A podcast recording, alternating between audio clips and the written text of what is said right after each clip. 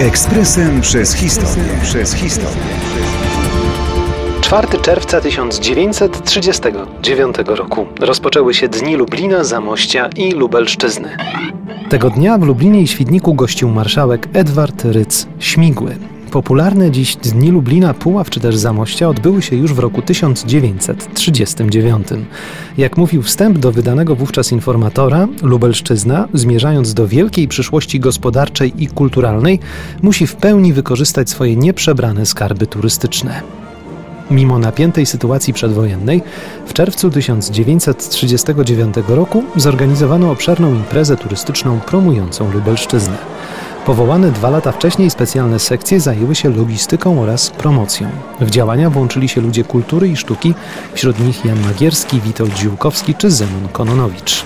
Wydany na tę okoliczność obszerny informator z programem imprez oferował liczne atrakcje. W Lublinie były to Tydzień Wychowania Fizycznego, Festiwal Pieśni Polskiej, a w nim Kongres Śpiewaczy. Także Kiermasz Lubelski, Zabawy Ludowe i Wieczór Literackie.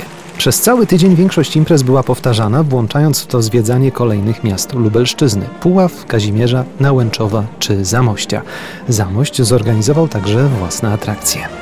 Choć oficjalne otwarcie imprezy nastąpiło 4 czerwca o 18, jej inauguracja odbyła się już dzień wcześniej, a wyjątkowe uroczystości w godzinach porannych.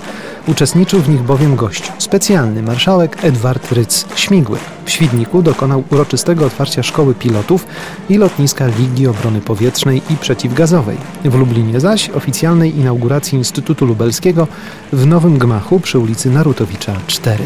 Uświetnił swoją obecnością także wernisaż wystawy Salon Lubelski 1939, nowych wystaw Muzeum Lubelskiego oraz wystawę druków lubelskich Towarzystwa Miłośników Książki. Wręczył nagrodę społeczno-kulturalną Instytutu oraz artystyczną miasta Lublin. Kulminacyjnym punktem uroczystości było przyznanie mu honorowego obywatelstwa Lublina i województwa. Chociaż Dni Lublina nie przyniosły spodziewanych zysków, Dni Zamościa były niewątpliwym sukcesem. Bawiło się wówczas około 15 tysięcy gości przybyłych z całego kraju.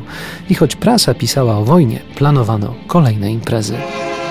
Ekspresem przez historię. Przez historię.